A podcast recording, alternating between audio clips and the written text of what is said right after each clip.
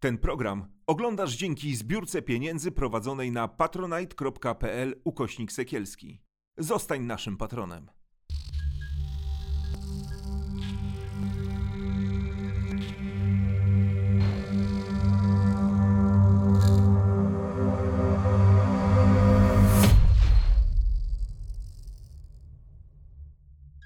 Dzień dobry, Sylwia Ciźla, to jest program Biosfera w studiu Braci Sekielskich. Dziś e, w tym odcinku porozmawiam z panią doktor o tym, jak zrozumieć kota, szczególnie wtedy, gdy cierpi.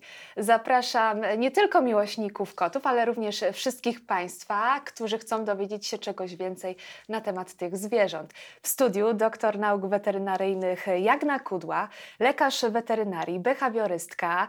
Mogą państwo znać panią doktor z programu Sekretne Życie Kotów. E, pani doktor wydała całkiem niedawno e-booka e, Kocie ścieżki, przewodnik po krętych drogach kociego umysłu. Dzień Zgadza dobry, się. pani doktor. Dzień dobry. Pani doktor, z wielką przyjemnością przeczytałam e-booka. E, sama zresztą jestem właścicielką bardzo młodego kocura, który mnie codziennie zaskakuje. Myślę, że to jest bardzo taki przejrzysty przewodnik, dzięki któremu będziemy mogli rozpoznać takie niezrozumiałe dotąd zachowania kotów i przygotować się na różne okoliczności. Pani, Mam nadzieję. Pani doktor, chciałabym zapytać o jedną z nich, a mianowicie o powrót e, do pracy stacjonarnej. Wiele osób w czasie pandemii zdecydowało się na wzięcie psa czy kociaka do domu z mhm. powodu właśnie pracy zdalnej. Jak przygotować zwierzę na taką codzienną rozłąkę z właścicielem, szczególnie takie osobniki, które nie rozstawały się e, na długo z właścicielem, poza jakimś tam wyjściem do sklepu? Ja myślę, że to może być naprawdę duży problem, bo mówimy już teraz o takich ko e, covidowych e, kociętach czy covidowych e, szczeniętach, ale też psach na przykład czy kotach branych ze schroniska w tym czasie, bo jakby mieliśmy też taki, no jakby takie przeczucie, że skoro teraz mamy tyle czasu dla tych zwierząt, no to, to czemu nie? No niestety, jeżeli te zwierzęta się nie nauczyły w czasie naszej pracy zdalnej, tego, że po prostu zostają czasami same, to mają, mogą mieć ten problem. I te problemy mogą być takiego dwojakiego rodzaju. To znaczy, mogą być, może być to frustracja związana z tym, że ten opiekun po prostu wychodzi, wychodzi bez nich, ale też może być to lęk separacyjny. I dlatego też, jeżeli mamy już jakieś przesłanki, że to zwierzę ma e, nieprawidłowe przywiązanie do nas, a jakie to jest, może, jaka to może być przesłanka? Na przykład taka, że kot nas oblega. Krótko mówiąc, e, jest ciągle przy nas, e, że, że domaga się uwagi, że wchodzi na kolana wtedy, kiedy coś próbujemy poczytać czy pooglądać, zasłania sobą ekran, kładzie się na klawiaturze, czyli mówi ja, ja i tylko To jest takie ja. przesadne przywiązanie do właściciela. Myślę, że to są objawy takie, że właśnie ten kot mówi i mu jest ciągle za mało tej uwagi. A to są objawy lęku separacyjnego? Czy... Mogą być, niekoniecznie muszą. I jeżeli chcemy wiedzieć, czy nasz nasze zwierzę ma już lęk separacyjny, to trzeba je nagrać podczas nieobecności. Wtedy będziemy wiedzieć, czy mamy objawy lęku, czyli że możemy obserwować spadek nastroju, czyli nie wiem, kot ma obniżony ogonek, chodzi w taki sposób, taki dosyć jakby spowolnionym tempie, często bierze jakąś zabawkę w pyszczek, zwykle to jest miękka zabawka i zawodzi przechadzając się z tą zabawką po mieszkaniu, bądź też bierze w pyszczek, przenosi i tak jakby siada i wisi nad tą zabawką i wtedy płacze. Jest to strasznie smutny widok, kraje po prostu serce na drobne kawałeczki. E, opiekunowie, właśnie e, moi klienci, kiedy przychodzą, kiedy zgłaszają się do mnie z takim problemem, że właśnie kot na przykład, nie wiem, dajmy na to, daje mocz poza kuwetą, znakuje i tak naprawdę jeszcze się nie spodziewa tego, że, że jego kot ma lęk separacyjny. Potem jak ja proszę o nagranie, no po prostu płaczą, tak? bo to jest tak smutny widok. I co jest jeszcze na tych nagraniach, jak już Pani sugeruje, nagranie tego hmm. zwierza, zwierzaka podczas naszej nieobecności? Zdarza się, że oprócz tego, że koty wokalizują, bo to nie jest zawsze, e, że mm, koty na przykład zrzucają przedmioty z półek chodzą i naprawdę okazują swoją właśnie frustrację, też niezadowolenie w taki sposób, że właśnie mm, no, z krótko mówiąc, troszeczkę tam psocą, tak to można tak ode, odebrać. To znaczy opiekunowie kotów mówią, że ten kot, y, no jakby nic nie mogą mieć na półkach, bo ten kot wszystko zrzuci. Ale znowu uważają, że kot im to robi na złość, a ja zawsze tłumaczę, że absolutnie nie, ten kot cierpi, trzeba mu pomóc. W jaki y, sposób możemy pomóc? Jeżeli chodzi o lęk separacyjny, bo jeżeli o nim właśnie mówimy, to przede wszystkim y, mamy z jednej strony takie uregulowanie życia kota, czyli bardzo stałe rytuały, bo rytuały u kotów dają im poczucie bezpieczeństwa. Zresztą jakby bliżej się przyjrzeć, to nam też, tak? Więc to jest na pewno bardzo ważna rzecz. Czyli dajemy bardzo wyraźnie sygnał, kiedy jest y, ta uwaga opiekuna, kiedy na nią jest czas, a kiedy nie. Kiedy, zresztą koty to nam też pokazują, że mają czas na, czas na odpoczynek, i czas na zabawę. Ale też musi być bardzo ważna, e, jakby bardzo ważna rzecz, to znaczy taka, że kot musi wiedzieć, że e, opiekun jest dla nich w określonych sytuacjach zawsze, a nie raz nas nie ma 12 godzin, raz 8, a raz jesteśmy przez cały czas w domu, dlatego że to jest coś, co powoduje, że kot, e, no niestety, ale traci poczucie bezpieczeństwa, traci taki grunt pod łapkami. E, jeżeli chodzi o lęk separacyjny, no tutaj zdarzają się e, sytuacje, w których wprowadzam dodatkowe ćwiczenia i to jest często zaskoczenie dla opiekunów, że jak to ćwiczyć z kotem, przecież kota się niczego nie nauczy. Nauczy się bardzo wiele i mamy ćwiczenia odwrażliwiające, przeciwwarunkujące. Um, Jaki jest na przykład przykład takiego ćwiczenia? Taki przykład ćwiczenia wygląda w ten sposób, że um, można powiedzieć, że udajemy, że chcemy wyjść na zewnątrz, ale nie robimy tego, tylko używamy jakiegoś takiego dźwięku, e, którego nigdy wcześniej nie e, używaliśmy. Na przykład zadzwonienie dzwoneczkiem, bądź też jakimś tam Innym sprzętem może być powiedzmy marakasy, tak? E, I jeżeli taki dźwięk wykonamy, to potem nic nie następuje, tylko spoko, stopniowo się jakby oddalamy w głąb mieszkania, nic się nie wydarzyło. Kolejny etap takiego odwrażliwiania polega na tym, że jednak po tym sygnale wychodzimy, ale dosłownie na, e, tak, że nawet nie wyjdziemy na, na, na zewnątrz, tylko powiedzmy uchylimy drzwi, Potem, jeżeli cały czas obserwujemy kota, jeżeli kot zachowuje się spokojnie, to przy kolejnych ćwiczeniach możemy jakby mm, wychodzić na dłuższy okres, ale nigdy tak, żeby kot był w stanie to przewidzieć. To znaczy nie coraz dłużej, tylko to musi być taka zasada ping-ponga. Oczywiście to jest tylko jedno z ćwiczeń i jeżeli wprowadzamy tylko ćwiczenie, a całej reszty nie, to znaczy całej reszty, która pozwala z jednej strony na wzbogacenie otoczenia kotu, czyli ten kot ma się po prostu czuć dobrze w swoim otoczeniu, a z drugiej strony właśnie manipulowanie swoją uwagą, no to to ćwiczenie nic nie da. Tutaj musi być kompleks. Mhm. Pani doktor, y, jakie nasze zachowania czy też zaniedbania, czasami zupełnie nieświadome, mogą się przyczynić do rozwoju tam chorób somatycznych czy zaburzeń psychicznych u kotów?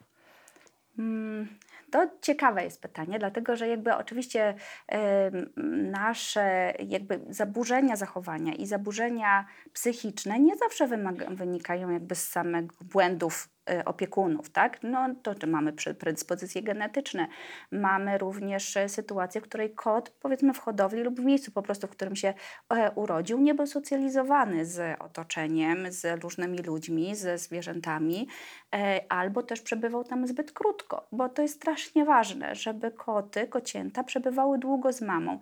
Długo to znaczy absolutne minimum to jest 8 tygodni tak? A często mamy kocięta mm, brane do domu w wieku 5-6 tygodni, no bo kocięta bardzo szybko stają się, można powiedzieć, takie samodzielne. No chodzą, przecież jedzą, e, to, to czemu mamy ich nie brać?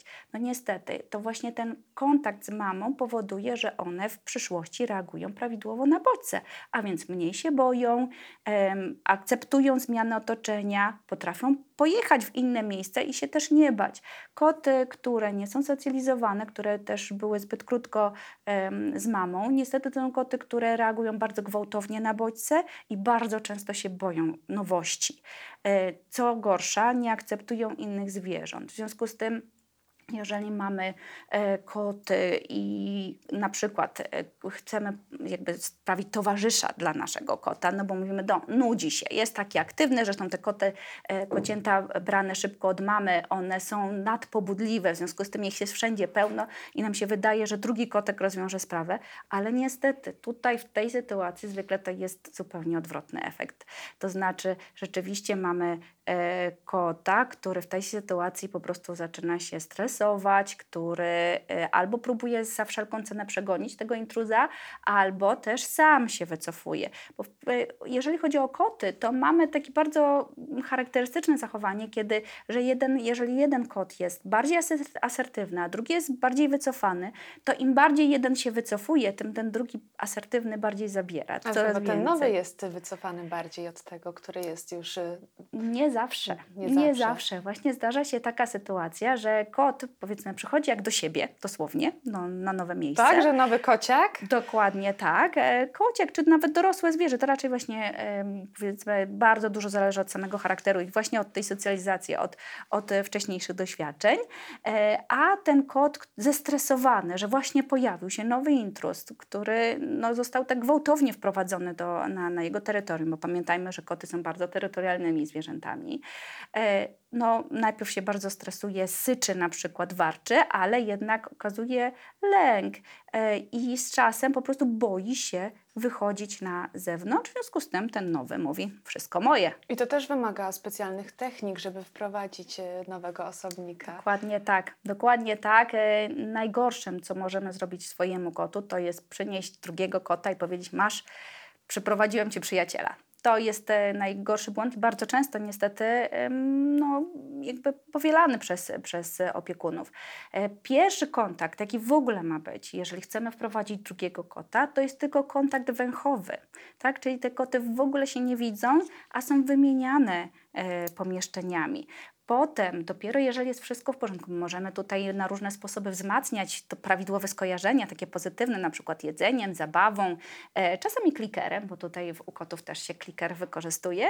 E, no i jeżeli widzimy, że jest w porządku, to możemy przejść do kontaktu wzrokowego, ale jeszcze nie takiego bezpośredniego. To znaczy na przykład mamy szybkę, jakiś właśnie, e, to może być wykorzystana szyba przez balkon, balkonu albo, albo, albo pomiędzy pomieszczeniami, ale ja na przykład wprowadzam pleksy tak? albo inną taką fizyczną barierę, która uniemożliwi spotkanie kotom, ale mogą się już widzieć tylko w odpowiednich momentach. Te odpowiednie momenty to są sytuacje, w których koty odczuwają przyjemność oczywiście, czyli podczas karmienia, podczas zabawy i za każdym razem, jeżeli tylko widzimy, że coś tam zaczyna nie grać, że te koty zaczynają się z siebie patrywać, bo to jest już dla nas sygnał, że pojawia się agresja u kotów, e, natychmiast zasłaniamy ten widok i jeszcze dłużej ćwiczymy w taki sposób, że one się tylko z daleka widzą w odpowiednich momentach. Jeżeli wszystko idzie dobrze, możemy coraz dłuższy, pozwalać na coraz dłuższy kontakt, aż dochodzi właśnie do tego kontaktu fizycznego.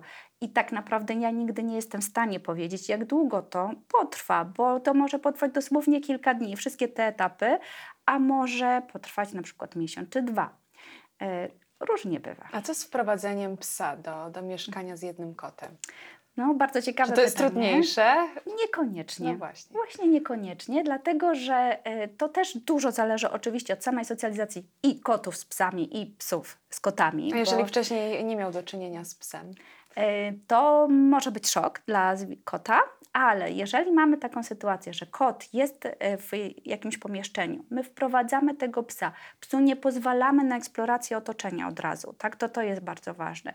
I kot po pierwszym, no wiadomo, koty się chowają, jak się wystraszą, to jest normalne. I jeżeli zobaczy, że ten pies jest pod kontrolą, to wtedy kot sam wychodzi, sam chce sprawdzić. Koty są z natury ciekawskimi stworzeniami, tak? Czyli z jednej strony są nieśmiałe, ale z drugiej strony e, są ciekawskie.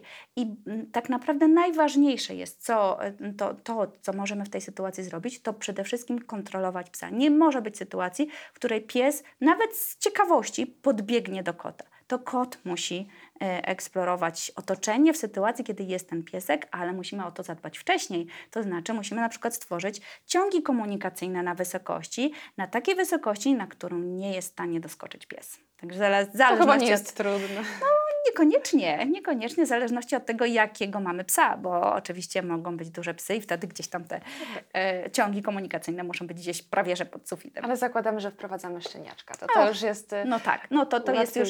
Zresztą to jest dużo łatwiejsza sytuacja dla kota, dlatego że kot dużo łatwiej, można powiedzieć tak bardzo w skrócie, ustawi sobie e, szczeniaczka, tak? Czyli powie, co tobie wolno, czego nie wolno, ok, to jest moje królestwo. I potem się często okazuje, że taki pies, który na początku wydaje się być intruzem, no jest ciepły, fajny, można się do niego przytulić i taka więź właśnie tutaj powstaje między kotem a psem.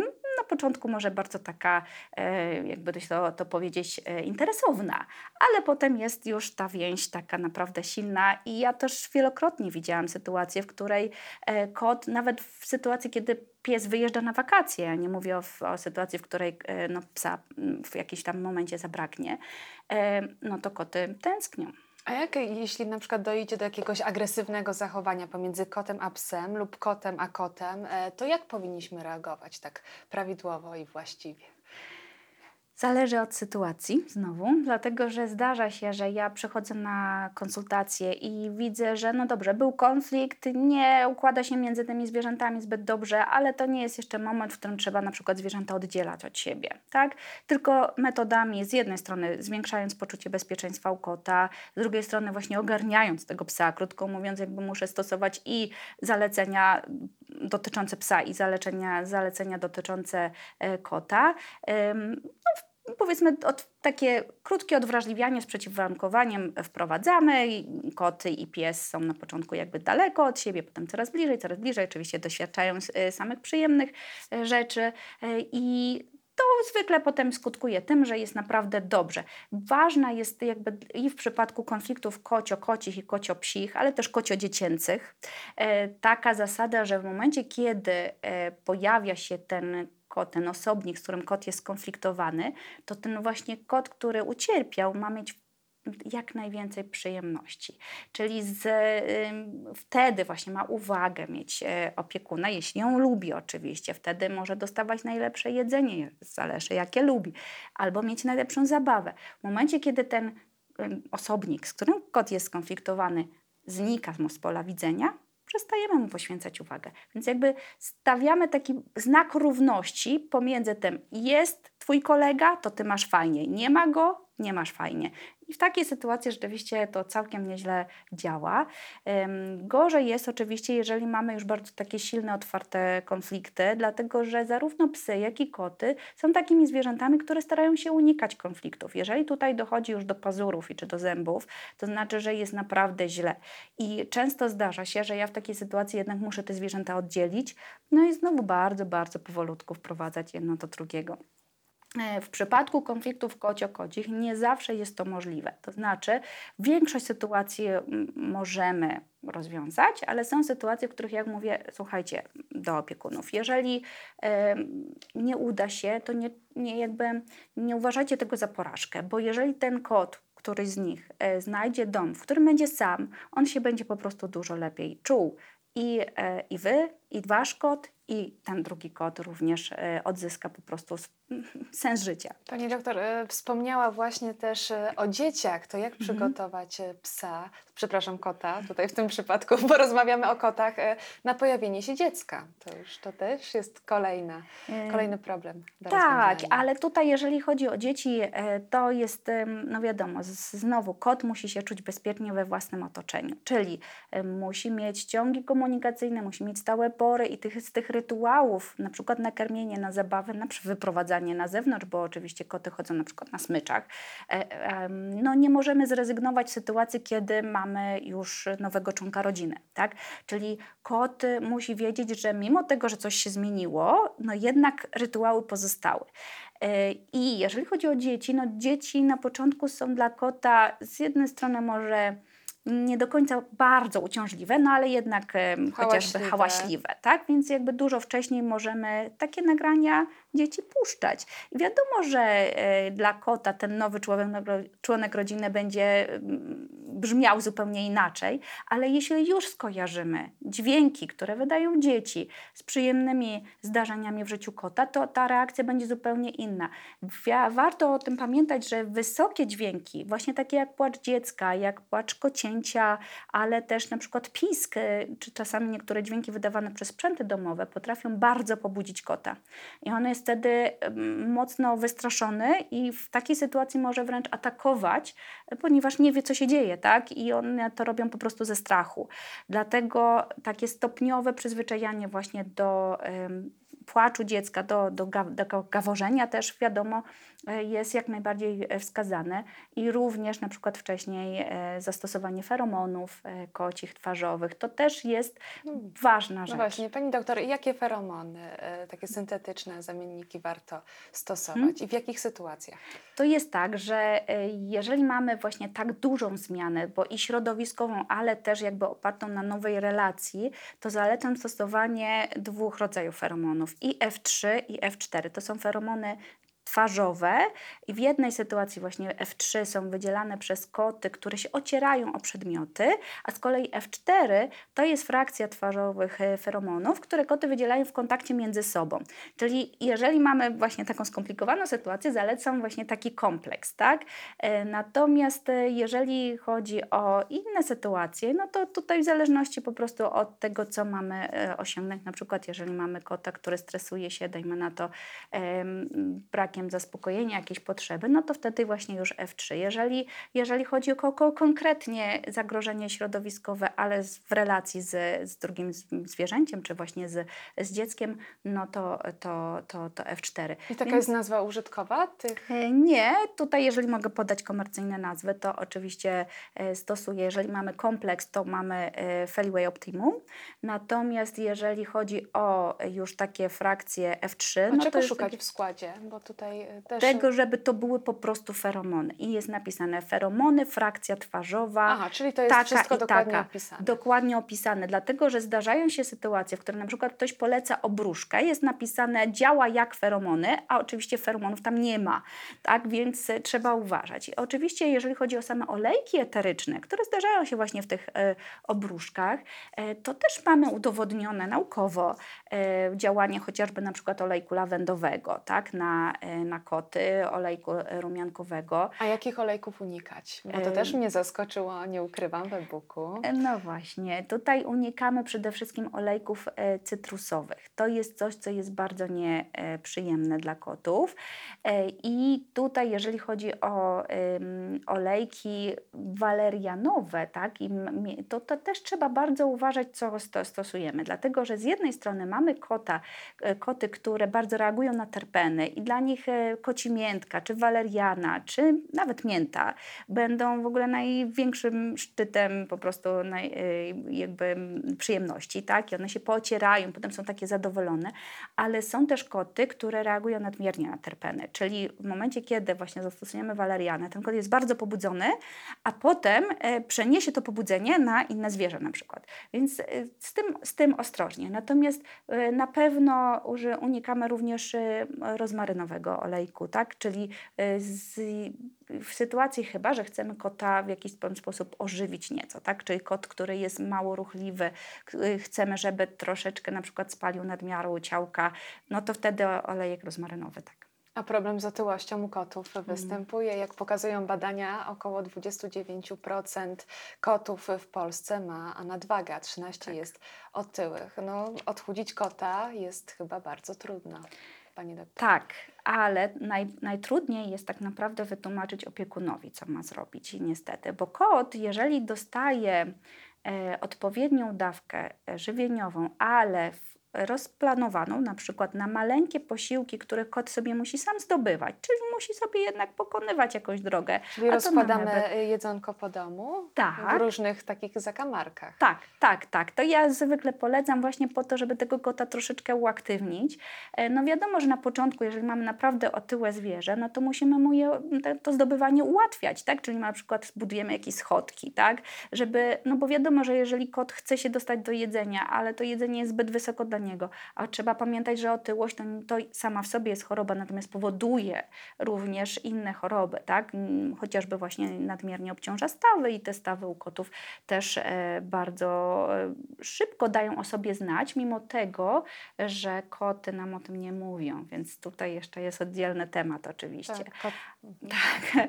ale tutaj na pewno jeżeli chodzi o odchudzanie, e, to polecam też no jakby oczywiście wizytę u dietetyka, który tą, e, tą po prostu żywienie rozplanuje na odpowiedni po prostu dla tego konkretnego zwierzęcia, czyli biorąc pod uwagę w jakim miejscu mieszka, w jakim jest wieku, jaką miał aktywność wcześniej, nawet jakiej jest rasy, bo to też oczywiście w pewien sposób wpływa.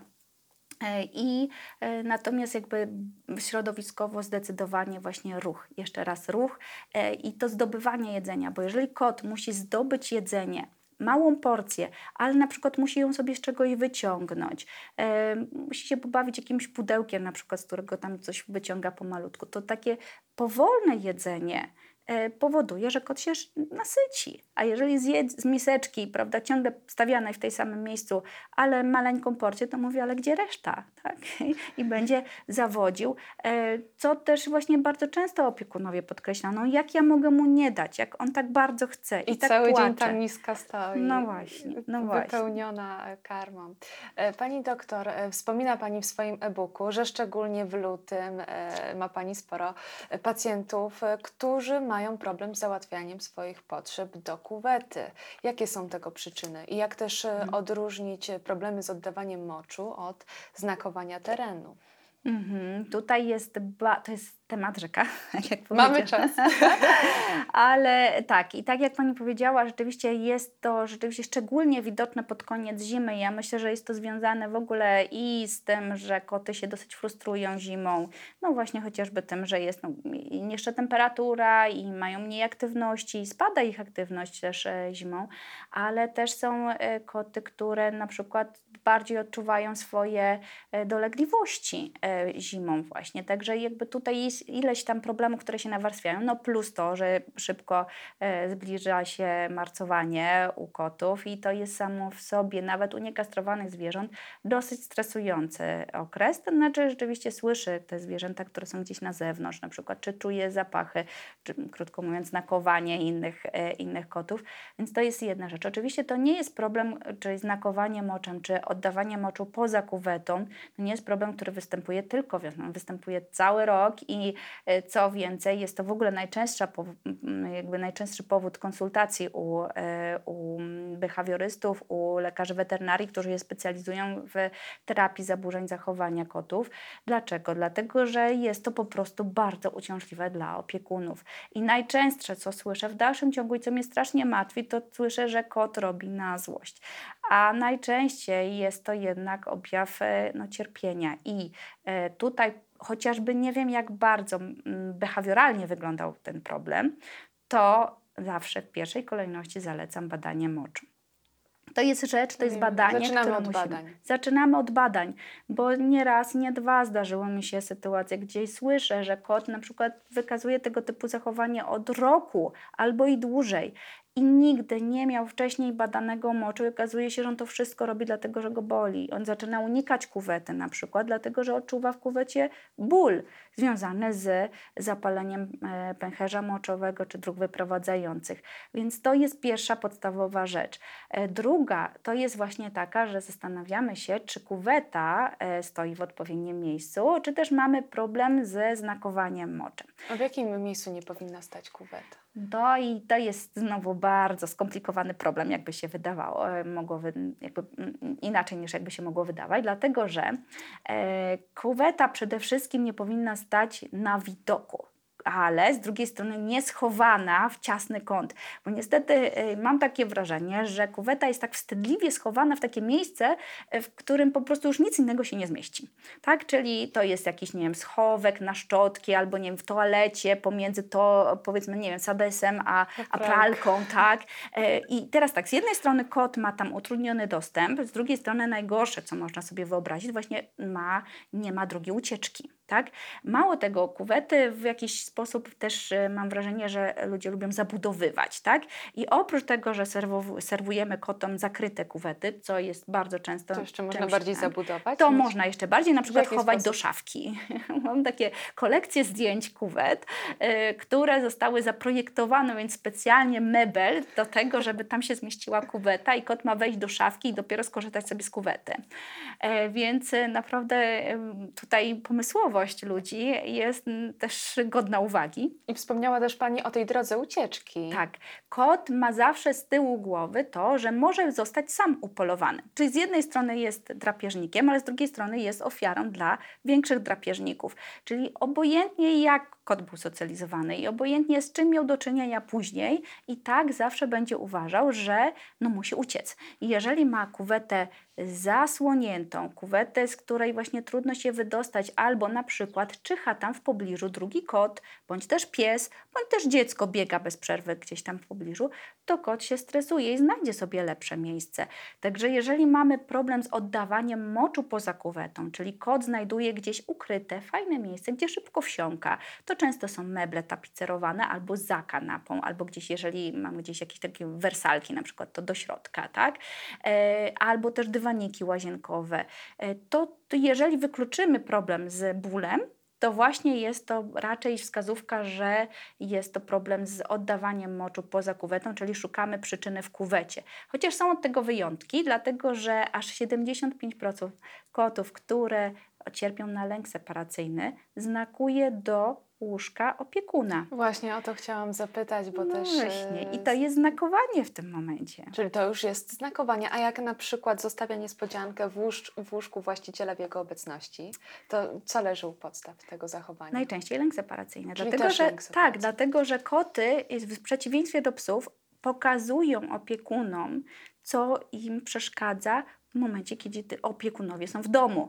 Kot e, jakby jest bardzo inteligentnym zwierzęciem i wie, że jeżeli będzie wykazywał e, zaburzenia zachowania bardzo silne podczas nieobecności opiekuna, to co on mu przekaże? No nie ma tego opiekuna, to nie da rady mu niczego przekazać. Sama wokalizacja to jest dla nas wskazówka, ale to jest jakby bardziej wyraz cierpienia tego zwierzęcia. Natomiast komunikat, jakim jest znakowanie moczem, no to jest jednak e, sytuacja, w której kot musi przekazać ją opiekunowi, tak? Czyli najczęściej robi to po powrocie opiekuna do domu. Czyli... Inna sytuacja, w której kot znakuje do łóżka, to są sytuacje, w których jest tam jakiś nieprzyjemny zapach. To czasami jest na przykład e, sama zmiana płynu do płukania. Wystarczy. Koty znakują teren E, na, zwłaszcza na, jeżeli chodzi o, o miękkie powierzchnie, co się nie, zda, nie zdarza często. Jeżeli chodzi o znakowanie o. terenu, no to jednak są to powierzchnie gładkie, płaskie, gdzieś tam na widoku. E, to jeżeli znakuje na miejsca miękkie, to raczej jest kwestia tego, że gdzieś zaburzyliśmy ten kolektywny zapach. Czyli coś, co się składało na zapach domu, zostało zaburzone. I to może być właśnie nowy płyn do płukania tkanin. Pani doktor, jak już jesteśmy przy tych środkach czystości, to doradza Pani w swoim e-booku, e, żeby koci mocz usuwać za pomocą preparatów enzymatycznych. Co to są za środki? Dlaczego warto je stosować? Mhm. To jest e, coś, co tak naprawdę jedyne rozwiązanie, które może nam pomóc rzeczywiście trwale usunąć e, ślady moczu po, po kocie, dlatego że Kot, który znakuje powierzchnię bądź też oddaje mocz poza kuwetą, e, no zrobi to raz czy drugi, ale w, mocz wsiąka w maleńkie jakieś tam mikro e, miejsca czy szczeliny pomiędzy panelami, czy jakieś tam powiedzmy, e, czy wsiąka, tak, i trudno go jest stamtąd wyciągnąć i powstają kryształki kwasu moczowego. I jedynie preparaty właśnie enzymatyczne, oparte z jednej strony, tam one są biologiczne, czyli mamy bakterie, tylko właśnie dobre bakterie byśmy to nazwali w cudzysłowie. I Czyli czego e, szukać w składzie? składzie, że jest to po prostu w nazwie i jest to preparat enzymatyczny. E, I mamy właśnie tam enzymy, które rozkładają te i bakterie rozkładają właśnie te kryształki kwasu moczowego. Oprócz tego zabijają bakterie, które rozwijają się w tej plamie moczu. Warto również zastosować najpierw latarkę z ultrafioletem. To czasami, nie wiem, można nawet e, kupić po prostu taki sprzęt, można wykorzystać coś, co mamy w domu, na przykład kiedyś były do e, sprawdzania e, pieniędzy, tak, prawdziwych, czy, czy, czy nie, nie są sfałszowane. Więc niektórzy mają coś takiego w domu, czasami po prostu trzeba po, pożyczyć i żeby zobaczyć, gdzie są ślady moczu, bo to, co widzimy, to często to jest czubek góry lodowej. I potem już widzimy efekt już, co się, co się wydarzyło. Na tak, i, i dlatego właśnie najpierw sprawdzamy, gdzie są te ślady, a potem je czyścimy, ale właśnie czyścimy najpierw bardzo delikatnie, ciepłą wodą, może ewentualnie zawierającym delikatne mydełko, tak? A dopiero potem używamy e, środka enzymatycznego. Ja też na przykład na sam koniec, jak już mamy osuszoną powierzchnię, zalecam zastosowanie feromonów właśnie tych F3 w sprayu. E, I w takiej sytuacji mamy już dla kota, zostawiamy informację, słuchaj, tu jest już zaznaczone, nie musisz więcej robić. Ale czasami jest tak, że kot znakuje w dalszym ciągu, ponieważ to, że jakby ta pierwotna przyczyna nie została zlikwidowana. My tutaj sprzątamy mocz, a w dalszym ciągu kot ma niezaspokojone potrzeby behawioralne, czy stresuje go obecność jakiegoś intruza właśnie w domu, e, czy cokolwiek innego. Naprawdę tych przyczyn jest bardzo, bardzo dużo i właśnie po to są specjaliści, którzy mają dociec tego. To jest praca detektywistyczna, naprawdę. Pani, pani detektyw, chciałam zapytać jeszcze, e, bo zwraca Pani też uwagę na to w swoim e, e-booku, żeby było o jedną kuwetę więcej niż liczba hmm. kotów. Dlaczego? Jeżeli one się lubią na przykład, to dwie kuwety nie wystarczą przy dwóch kotach? E, to zależy od samego, samej powierzchni domu, bo jednak przyjęło się, że tych kuwet powinna być przynajmniej jedna na 60 m2 i jedna na piętro. Bo też y, spotykam się w, z opiekunami kotów w wielkim domu, gdzie koty mają swoją kuwetę w piwnicy no żeby już tak nie było brzydko, tak? E, I to jest jedyne miejsce, w którym jest ta, jest ta kuweta i, no i jest problem, no bo te koty czasami nie mogą tam dotrzeć, na przykład z powodu choroby, a czasami po prostu nie chcą, chcą mieć miejsce bliżej. I to jest jedna rzecz. Jeżeli mamy koty, które się lubią, czyli wykazują wobec siebie sygnały pojednawcze, mówimy, afiliacyjne, czyli e, wylizują się wzajemnie, ocierają się, dotykają noskami, e, śpią przytulone do siebie, to mamy sygnał, że te koty naprawdę się lubią. I w takiej sytuacji, jeżeli mamy niewielką powierzchnię, jedna kuweta zwykle wystarczy. O ile jest to duża kuweta, często sprzątana, to jedna kuweta dla takiej parki wystarczy. Chociaż zdarzają się koty, które same jedne potrzebują dwóch kuwet, tak? Oddzielną na kubkę oddzielną na siusiu i my tego nie przeskoczymy. Taki kot będzie załatwiał się do kuwety, a potem będzie szukał gdzieś tam jakiejś na, na drugą potrzebę miejsca typu e, brodzik na przykład, albo wanna, albo mm, umywalka. Tak będzie szukał takiego miejsca, gdzie ten mocz odpływa na przykład. Pani doktor, w internecie można znaleźć e, wiele poradników, jak nauczyć kota korzystania z toalety. Mhm. Chciałam zapytać o Pani opinię na ten temat. Ja celowo w swoim e-booku nie piszę o tym, dlatego że y, uważam to za, w pewien sposób zakrzywdzenie kota. To znaczy, wiadomo, że z jakiś, no, dla nas byłoby to bardzo wygodne, gdyby kot w ten sposób się załatwiał. Natomiast jak weźmiemy pod uwagę to, czego koty potrzebują, czyli właśnie tego E, po pierwsze miejsca, które jest słabo oświetlone, gdzie jest łatwo właśnie uciec, gdzie mamy, e, gdzie kot ma pod łapkami coś, co może z jednej strony, czym może zakopać swoje e, pozostałe stałości, można powiedzieć, a z drugiej strony e, może zostawić ślady zapachowe dookoła. Tutaj tego wszystkiego w sytuacji, kiedy kot ma korzystać z toalety, nie ma. E, czyli kot, można powiedzieć, ma niezaspokojone swoje potrzeby behawioralne. Ja, jeżeli ktoś mnie o to pyta podczas e, wizyty, ja mówię, proszę bardzo, spróbujcie, możecie coś takiego kupić, ale zostawcie kuwetę kotu, w domu. Zobaczcie, może mu to podpasuje, może bardziej będzie chciał rzeczywiście korzystać z toalety. Nigdy do tej pory mi się to nie zdarzyło. Czyli decyzja należy do, do kota. Do kota. Tak. Pani doktor, e, tak się zastanawiam jeszcze, chciałabym wrócić do, odczuw do odczuwania emocji przez mhm. koty. Przytoczyła Pani e, badania kanadyjskich naukowców, którzy opracowali kocie grymasy i oni tam mhm. przyglądali się ułożeniu uszu, oczu, tak. E, by tak. ocenić w jakiej skali kot odczuwa ból. Czy my mhm. możemy gołym okiem jakby to zaobserwować? Taki, co w wyglądzie kota może nas, powinno nas zaniepokoić? Zainteresować. E, ja mówię tak, jak wchodzę do domu, bo jest wiadomo, że do gabinetu do mnie przychodzą koty, które zawsze wyglądają na chore. Są, prawda, mają, chyba, że są młode i bardzo ciekawskie i bardzo lubią przychodzić do lecznicy, więc jakby takich jest mniejszość oczywiście. Natomiast kot, który ma, e, który ma zmierzwione futerko, który obsypuje się łupieżem w lecznicy, to nie jest nic dziwnego. Natomiast jeżeli ja przychodzę na konsultację domową i widzę takiego kota, to znaczy, że jest tam coś niedobrego. To znaczy kot jest już w złym stanie, widać psychicznym i ta, ten, ten powiedzmy obniżenie nastroju i to, że właśnie ten kot ma takie zmierzwione futerko, ono się tak układa w takie sopelki, to widać, ono nie jest takie gładkie, tylko właśnie takie zmierzwione e, i już wskazuje właśnie na to, że ten stres może być albo pochodzenia środowiskowego, albo wewnątrz, tak? I potem właśnie zaczynam się przyglądać mimice. E, jak ten kotek wygląda? To znaczy, czy ma wibrysy delikatnie, ładnie układające się w dół, czy też wyprostowane. Takie właśnie, takie. można powiedzieć, takie wyprostowane, one się przestają tak ładnie od, od, odwijać e, e, ku dołowi, tylko właśnie są takie, można powiedzieć, lekko nastroszone, czasem cofnięte. Uszka nie są nawet w trybie czuwania, byśmy to powiedzieli, nie są do przodu skierowane, tylko jakby lekko oklapnięte i pyszczek kotka zaczyna się wydłużać. Im bardziej odczuwa ból, tym bardziej zaciska usta. W związku z tym pyszczek kota, który bardzo silnie odczuwa ból, wygląda jakby, no jakby ten kot był chudszy na pyszczku niż był dotychczas, tak? Wydłużony ma ten pyszczek, zaciśnięte usta.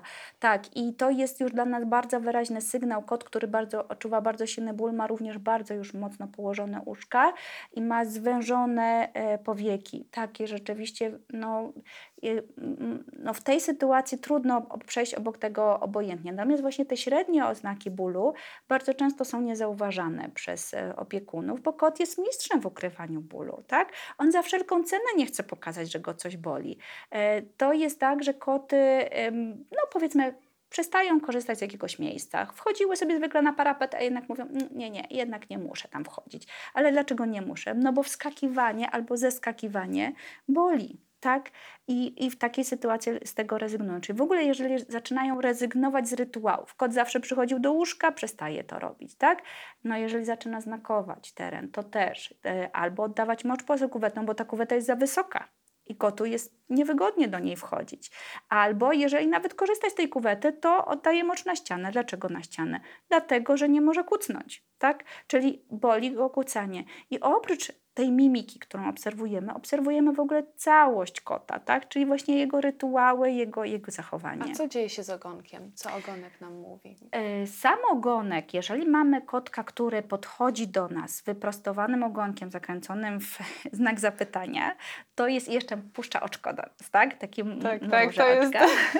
to jest To jest właśnie kot, który jest przyjaźnie do nas nastawiony. Widać, że, że ma ochotę na kontakt. Natomiast jeżeli ogonek jest opuszczony, bo jeżeli on jest powiedzmy takiej poziomej e, pozycji, to może być kot, który po prostu eksploruje. Kto jest wyluzowany, nie musi być ten ogon zawsze do góry.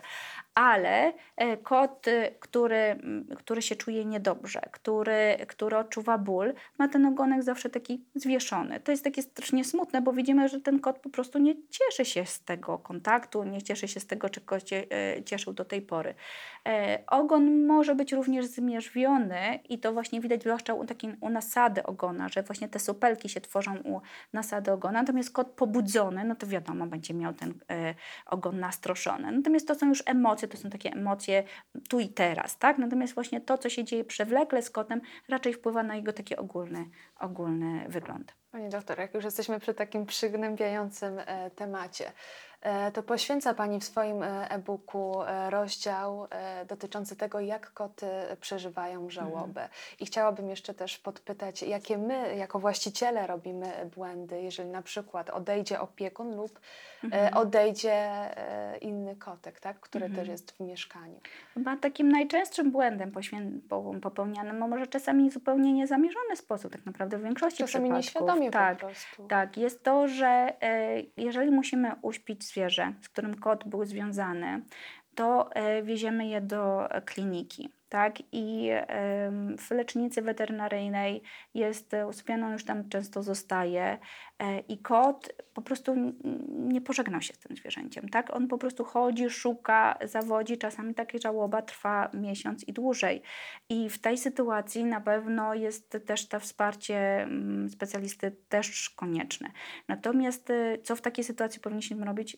Przede wszystkim dołożyć starań właśnie, żeby ta eutanazja była w mieszkaniu, w domu, w którym mieszka kot. Często za, jeszcze może być za zamkniętymi drzwiami. To nie o to chodzi, żeby kot to obserwował, tym bardziej, że może być to po prostu stresująca wizyta sama lekarza weterynarii w, w, w domu jest stresująca co potem, jak już to zwierzę jest e, poddane eutanazji, żeby tego kota wpuścić, żeby on wpuścił, zobaczył, że ten kotek nie żyje, albo pies, z którym był kot związany, przecież to też jest ważne, bo on wtedy ma szansę to zaakceptować, tak? Czyli właśnie ta rozłąka nie jest dla niego taka drastyczna. Czym się objawia depresja u kotów najczęściej? Mhm. Zahamowaniem wszystkiego, co sprawiało do tej pory kotu przyjemność, tak? Czyli zabawy. E, koty też mogą albo mniej jeść, albo jeść dużo więcej. To w różny sposób się objawia. E, kot e, przesypia bardzo dużo czasu. Koty ogólnie są takim gatunkiem, który dużo śpi, tak? Nawet 16 godzin na dobę, ale pomiędzy tymi okresami drzemki ma swój okres aktywności. Chodzi, prawda, zwiedza, bawi się. Tego koty właśnie w depresji nie robią. E, zanim dojdzie do depresji, czasami mamy taki okres anhedonii, czyli w sumie nic nie cieszy, no ale jeszcze udaje nam się czasami tego kota czymś zainteresował. W tym stanie depresji e, już potrzebna jest interwencja, już często farmakologiczna. Tak? Farmakoterapia. Mhm. E, pani doktor, zastanawiam się teraz, w zasadzie chciałabym obalić takie najpopularniejsze mity i uprzedzenia dotyczące kastracji mhm. u mhm. kotów. Często pojawia, pojawiają się twierdzenia, że że kot y, po kastracji traci instynkt samozachowawczy czy mhm. zdolność obrony, też o tym mm -hmm, słyszałam. Mm -hmm. e, tak, albo że będą ciepłe kluchy, tak? Tak, czy, właśnie. Czy tak nie obroni się tak, już. Nie ma szans. Tak, już. tak. I, I, to są właśnie mity. E, takim najczęstszym mitem, e, który, który się po, w takiej sytuacji pojawia, to właśnie to, że w ogóle zmieni mu się osobowość, że on już będzie taki zgnuśniały, nic mu się nie będzie chciał, chciało robić i, i to jest oczywiście nieprawda. To jest e, czasami jest ziarenko prawdy wtedy, kiedy kot, pozwolimy kotu utyć zbyt mocno. E, no i w takiej sytuacji kot rzeczywiście rezygnuje z zabawy czy skakania po wyższych partiach e, mieszkania, dlatego że po prostu go to boli, czy, czy nie ma siły, czy nie może po prostu do, doskoczyć. Ale to nie jest jakby kwestia tego, że zmieniła mu się osobowość, tylko kwestia tego, że kot utył, bo rzeczywiście jeżeli chodzi o kastrację, ona sprzyja otyłości, tak? Znaczy sprzyja na, przybieraniu na wadze. Ale kot żywiony odpowiednio e, po kastracji, kot, który ma odpowiednio dużo ruchu, nie przytyje. Także to jest tak naprawdę wszystko zależne od samego opiekuna, no bo wiadomo, że kot y, jakby sam sobie jeść nie da. A, a co ze zdrowiem kota? Bo też pojawiają mm. się takie e, doniesienia, że kot bardziej choruje po kastracji. Mm -hmm. Tutaj znowu to wpływ jest otyłości, bo samych chorób do tej pory naprawdę e, robiono wiele badań i w przypadku kotów prawidłowo kastrowanych, znaczy nie tych jak bardzo wcześnie, bo tutaj są pewne rozbieżności, ale bardzo wcześnie co to znaczy? To jest przed oddaniem do adopcji, tak? Przed przed ósmym tygodniem życia. E, to się robi bardzo często w e, Stanach Zjednoczonych, bądź też zdarza się w hodowlach, ale e, w Polsce tego się nie robi, więc nie ma tak naprawdę o czym rozmawiać. I koty, kot kastrowany w normalnym wieku, normalnym znaczy w około pół roku, bo to zazwyczaj jest ten czas, kiedy koty dojrzewają już płciowo, zaczynają znakować i zazwyczaj już wtedy w takiej sytuacji opiekunowie się decydują na, na kastrację.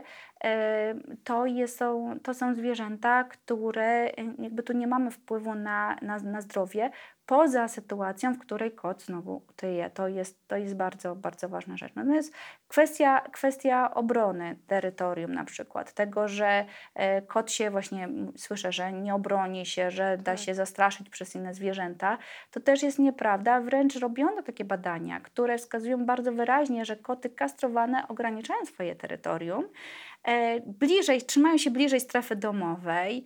E, to są koty, które też nie stanowią zagrożenia dla innych kotów, tych niewykastrowanych, więc nie są konkurencją, można powiedzieć. Rzadziej ściągają na siebie uwagę i same włóczą się mniej, jeżeli są to koty wychodzące. No to jest oddzielna, oddzielny temat w ogóle do To omówienia. jest kolejne Tak. pytanie, czy, czy wyprowadzacie kota na spacer, czy nie i jak też zagospodarować e, przestrzeń w małym mieszkaniu, jakby zaspokoić te wszystkie Mhm. potrzeby łowieckie naszego Mhm, kota. mhm. No właśnie, kot jest e, drapieżcą, tak? Musi polować. Każda zabawa to jest imitacja polowania. Więc jeżeli chcemy, żeby ten nasz kot po prostu czuł się dobrze, musimy się z nim bawić w polowanie. Ale trzeba brać pod uwagę to, że mysz, która, e, która ma powiedzmy imitować e, prawdziwą zdobycz, taka, taka myszka, e, nie wiem, powiedzmy zabawka grzechocząca, czy jakieś malutkie piórko, czy cokolwiek innego, ma tańczyć koło kota, tak? No bo tego nie robią prawidło, prawdziwie, prawdziwe zdobycze kota, prawdziwe ofiary, e, tylko chowają się, szurają, uciekają, tak? To są prawdziwe zabawy z, z kotami, a często widzę, że nawet on się nie chce bawić i machamy tutaj przed piórkiem, przed kotem, kot leży, w ogóle nawet tam, nie wiem, ledwo spojrzy w stronę tej zabawki i nic, e, i nic nie zrobi, no bo to nie jest dla niego atrakcyjna zdobycz. Atrakcyjna zdobycz się chowa, szura gdzieś tam. Koty są bardzo wyczulone właściwie na same dźwięki takie, które w normalnej sytuacji emitują ofiary. Znaczy może grać głośno muzyka, ale gdzieś jeśli zaskrobiemy właśnie tak delikatnie e, w stół, czy, czy właśnie poszuramy czymś, to kot się natychmiast wyostrzy. E, Tak? I ten, ten słuch się wyostrzy i natychmiast właśnie kot podąży w tą, tą, tą stronę. Ja też na przykład w zabawie proponuję takie malutkie robaczki, one są na, się nanorobaczki, to jest malutkie urządzenie, ale co robię? Nie puszczam tego po podłodze, tylko wpuszczam pod kanapę. Tak? I wtedy okazuje się, że nawet koty, które się nie lubią, nagle razem zaczynają Szukać, polować. wszyscy Tak, polują. tak. Jeden cel. Zapominają o sobie. Tak. Pani doktor, wyprowadzać kota na spacer. Kiedy? W jakiej sytuacji? Bo też E, Pani wspomina w e-booku, że można wypuszczać na klatkę schodową. Jest taka na przykład. możliwość. Jeżeli jest to bezpieczna klatka schodowa, e, to oczywiście tak, to znaczy mamy pewne śluzy, jakieś tam prawda, zam- zamknięcia, no bo wiadomo, że nie chcemy się napatoczyć na przykład na psa wychodzącego na spacer. Zresztą w ogóle, jeżeli chodzi o wypuszczanie kota na klatkę schodową, e, na smyczy, czy bez, jeżeli jest taka właśnie możliwość, to i tak powinno się odbywać późnym wieczorem. Kot ma naturalną potrzebę aktywności. e, Właśnie późnym wieczorem to jest gdzieś o godziny 22, 23, tak? No wiadomo, że również o 4, 5 nad ranem, ale to już niekoniecznie wtedy. E, Ale co, o tej porze już rzadziej kogoś spotkamy na tej klatce, więc to jest, to jest jedna rzecz. Natomiast jest bardzo polecam uczenie, przyuczanie kotów do smyczy. I znowu, jeżeli chcemy kota wyprowadzać na smyczy, to nigdy nie jest tak, że bierzemy tą smycz, pach i wychodzimy z nim od razu do ogródka e, lub co gorsza gdzieś wywozimy w ogóle do parku, żeby miał fajnie, bo to jest najgorszy błąd, który możemy popełnić. Kot musi sam ocenić, jak bardzo bezpiecznie jest nawet tuż za drzwiami, na wycieraczce. Jak jest bezpiecznie, nic go tam nie pożarło, no to prawda, możemy iść kawałeczek dalej. To my podążamy za tym kotem. Nie ciągniemy go, nie zapraszamy, nie. To stopniowo bardzo, bardzo potem się okaże, że kot y, eksploruje najp- najpierw jedno piętro, potem drugie, potem już całą na przykład klatkę schodową, a potem dopiero ewentualnie może zacząć wychodzić na zewnątrz i znowu otwarcie drzwi to często to jest w ogóle szok dla kota, taka przestrzeń, tak? On ma prawo się tego wystraszyć, nawet zwłaszcza jeżeli nigdy nie wychodził.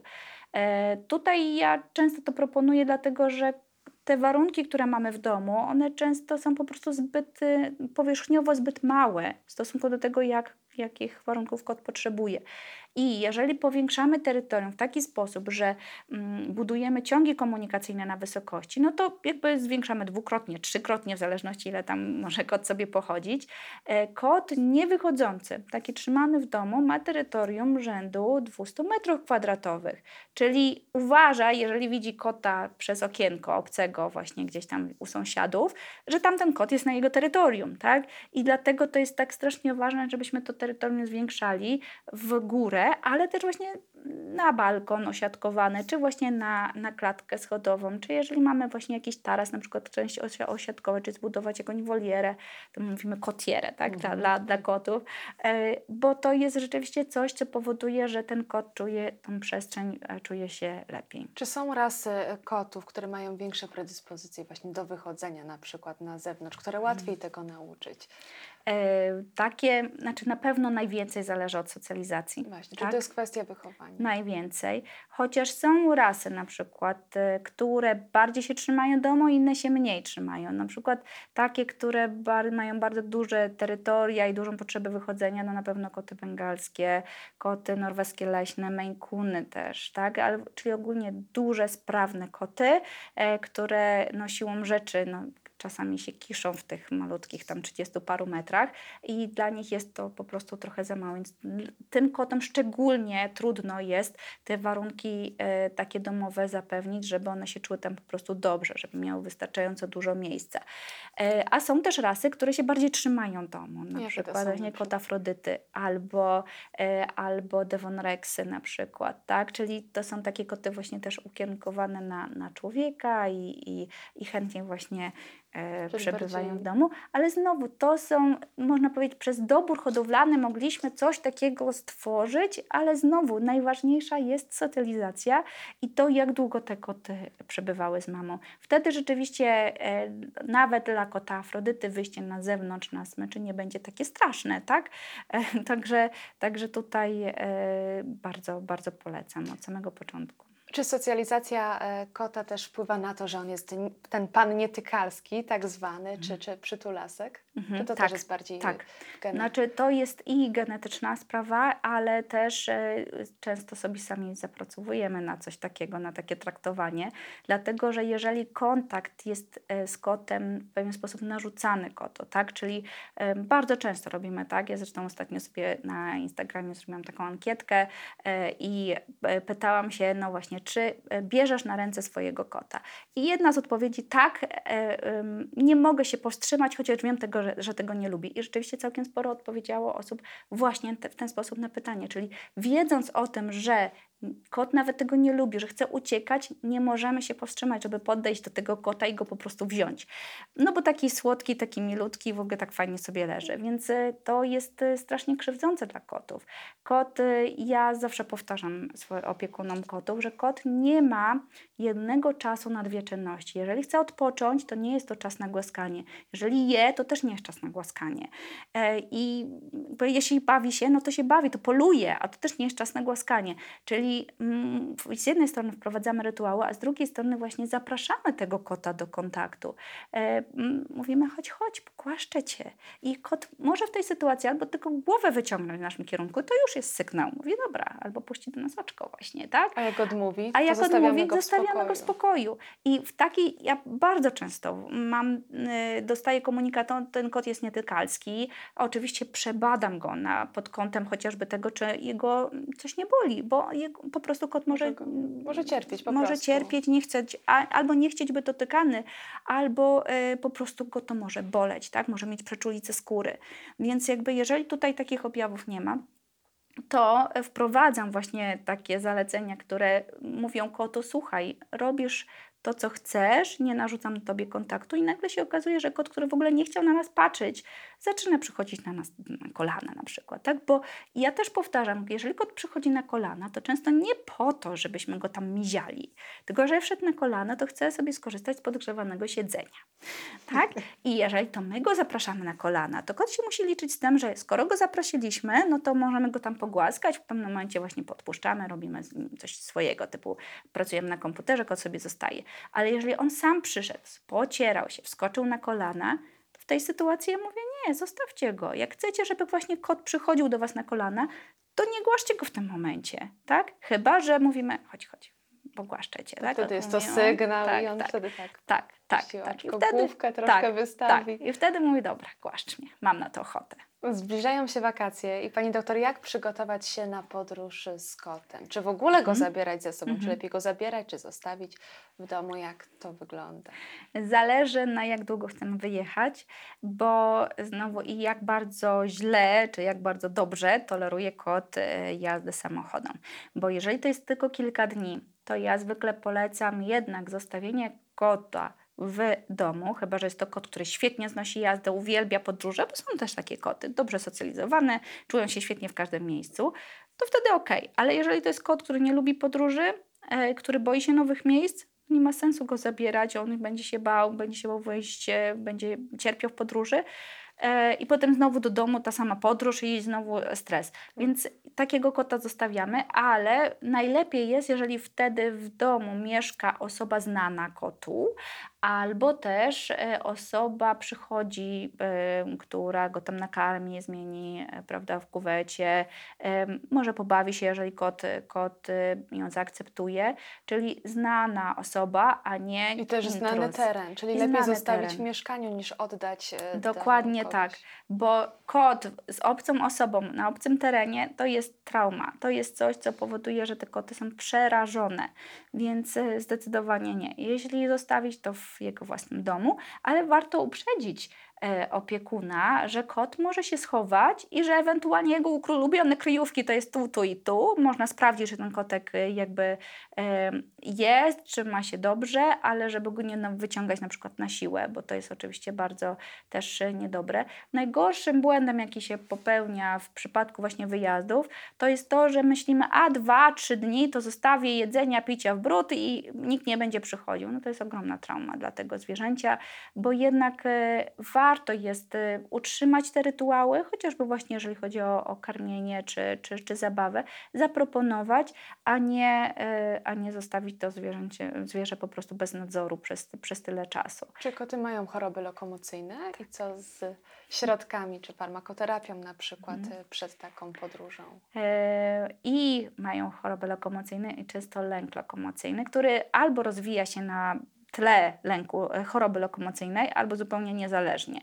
E, I oczywiście stosujemy farmakoterapię, jeżeli kot wymiotuje w podróży, ale często to nie wystarczy, dlatego że jeżeli mamy objawy lęku lokomocyjnego, czyli ten kot się po prostu boi wejść najpierw do transportera, potem właśnie być wieziony w samochodzie, gdzie tam nim rzuca, jest zapach spalin, w ogóle wszystko mówi, że świat się wali, e, to potrzebne jest odwrażliwianie. I to odwrażliwianie z przeciwwarunkowaniem zaczynamy od domu wbrew pozorom, to znaczy od tego, że ten transportem ma być po prostu ulu- jedną z ulubionych kryjówek e, kota, że on ma być na stałe w domu, a nie wyciągany wtedy, kiedy właśnie trzeba pojechać do lekarza weterynarii, bądź też, nie wiem, e, właśnie pojechać gdzieś dalej samochodem, bo automatycznie się po prostu źle kojarzy. Stosujemy też y, nie zawsze farmakoterapię, to znaczy często zaczynamy od suplementów diety, e, które mają właśnie takie działanie uspokajające, relaksujące, przeciwlękowe, ale też od feromonów znowu, tak? Czyli tylko, że w tej sytuacji, ponieważ te feromony mają z tym kotem pójść,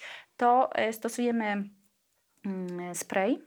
I ważne jest to, żeby ten rozpylić ten spray 15 minut przed zapakowaniem kota do transportera, bo e, Feliway w sprayu, czy właśnie czy mm, inne e, F3, horm- feromony, przepraszam, feromony e, frakcji F3, e, to są feromony, które są na bazie alkoholu. One, się rozpa- one są rozpuszczone w alkoholu, więc jeżeli popsikamy e, wnętrze transportera czymś takim, a potem zapakujemy od razu kota, to na pewno się lepiej nie poczuje przez to, że tam tak bardzo intensywnie pachnie. Ten alkohol musi odparować, a zostawić same feromony. Mój kot na przykład bardzo lubi swój transporterek, ale w samochodzie już pojawia się takie ziajanie, czyli widać u niego stres i lęk. No Właśnie, ziajanie u kotów to jest e, bardzo silny objaw. Ko- Koty rzadko ziają ze, ze, ze stresu, e, ale tak, jeżeli właśnie rzeczywiście jest taki objaw, to znaczy, że em, sam transporter jest może ok, ale no niestety już ten samochód niekoniecznie. I tu stosuje się różne e, rozwiązania, to znaczy między innymi na przykład no, są koty, które zdecydowanie lepiej zniosą jazdę na kolanach u opiekuna, a nie w transporterze.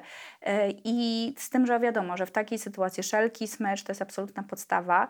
E, No i zniesie to dużo większe zagrożenie, no chociażby tym, że mocniej przyhamujemy i ten kot e, niestety może się uszkodzić, więc jakby ja tego nie polecam, ale czasami to jest jedyna możliwość, żeby ten kot bez stresu pokonał tą podróż, tak? Inna, inna rzecz to to od, m, jakby ustawienie kota albo tak, żeby widział przesuwający się obraz. W przypadku choroby lokomocyjnej jest to ważne, żeby skoordynować em, ucho wewnętrzne z, mm, e, czyli to poczucie przesuwającego się e, ciała względem podłoża z przesuwającym się e, obrazem, a z kolei są koty, są zwierzęta, które się bardzo boją tego przesuwającego się obrazu, więc wtedy zakrywamy klatkę, tak?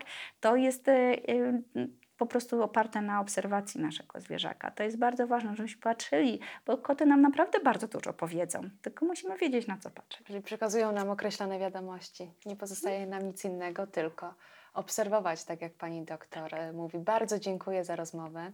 Jeśli Państwo chcieliby uzyskać jeszcze więcej informacji dotyczących e, kotów, to odsyłam do przeczytania e-booka pani doktor. Kocie ścieżki, przewodnik po krętych drogach kociego umysłu. Pani doktor, gdzie możemy kupić e-booka? Można kupić na mojej stronie e, jagnakudla.pl. Tam jest od razu taki pop-up, który się pojawia. Wystarczy na niego kliknąć, tam już wszystko mm, poprowadzi. Dziękuję Pani doktor za rozmowę. To była e, doktor nauk weterynaryjnych Jagna Kudła, lekarz weterynarii, behawiorysta. Jeżeli Państwo chcieliby zgłosić e, jakiś temat do biosfery lub posłuchać swojego ulubionego, bio, e, ulubionego eksperta, to proszę pisać biosferaprogram.gmail.com. Dziękuję bardzo. Ten program oglądałeś dzięki zbiórce pieniędzy prowadzonej na patronite.pl ukośnik sekielski. Zostań naszym patronem.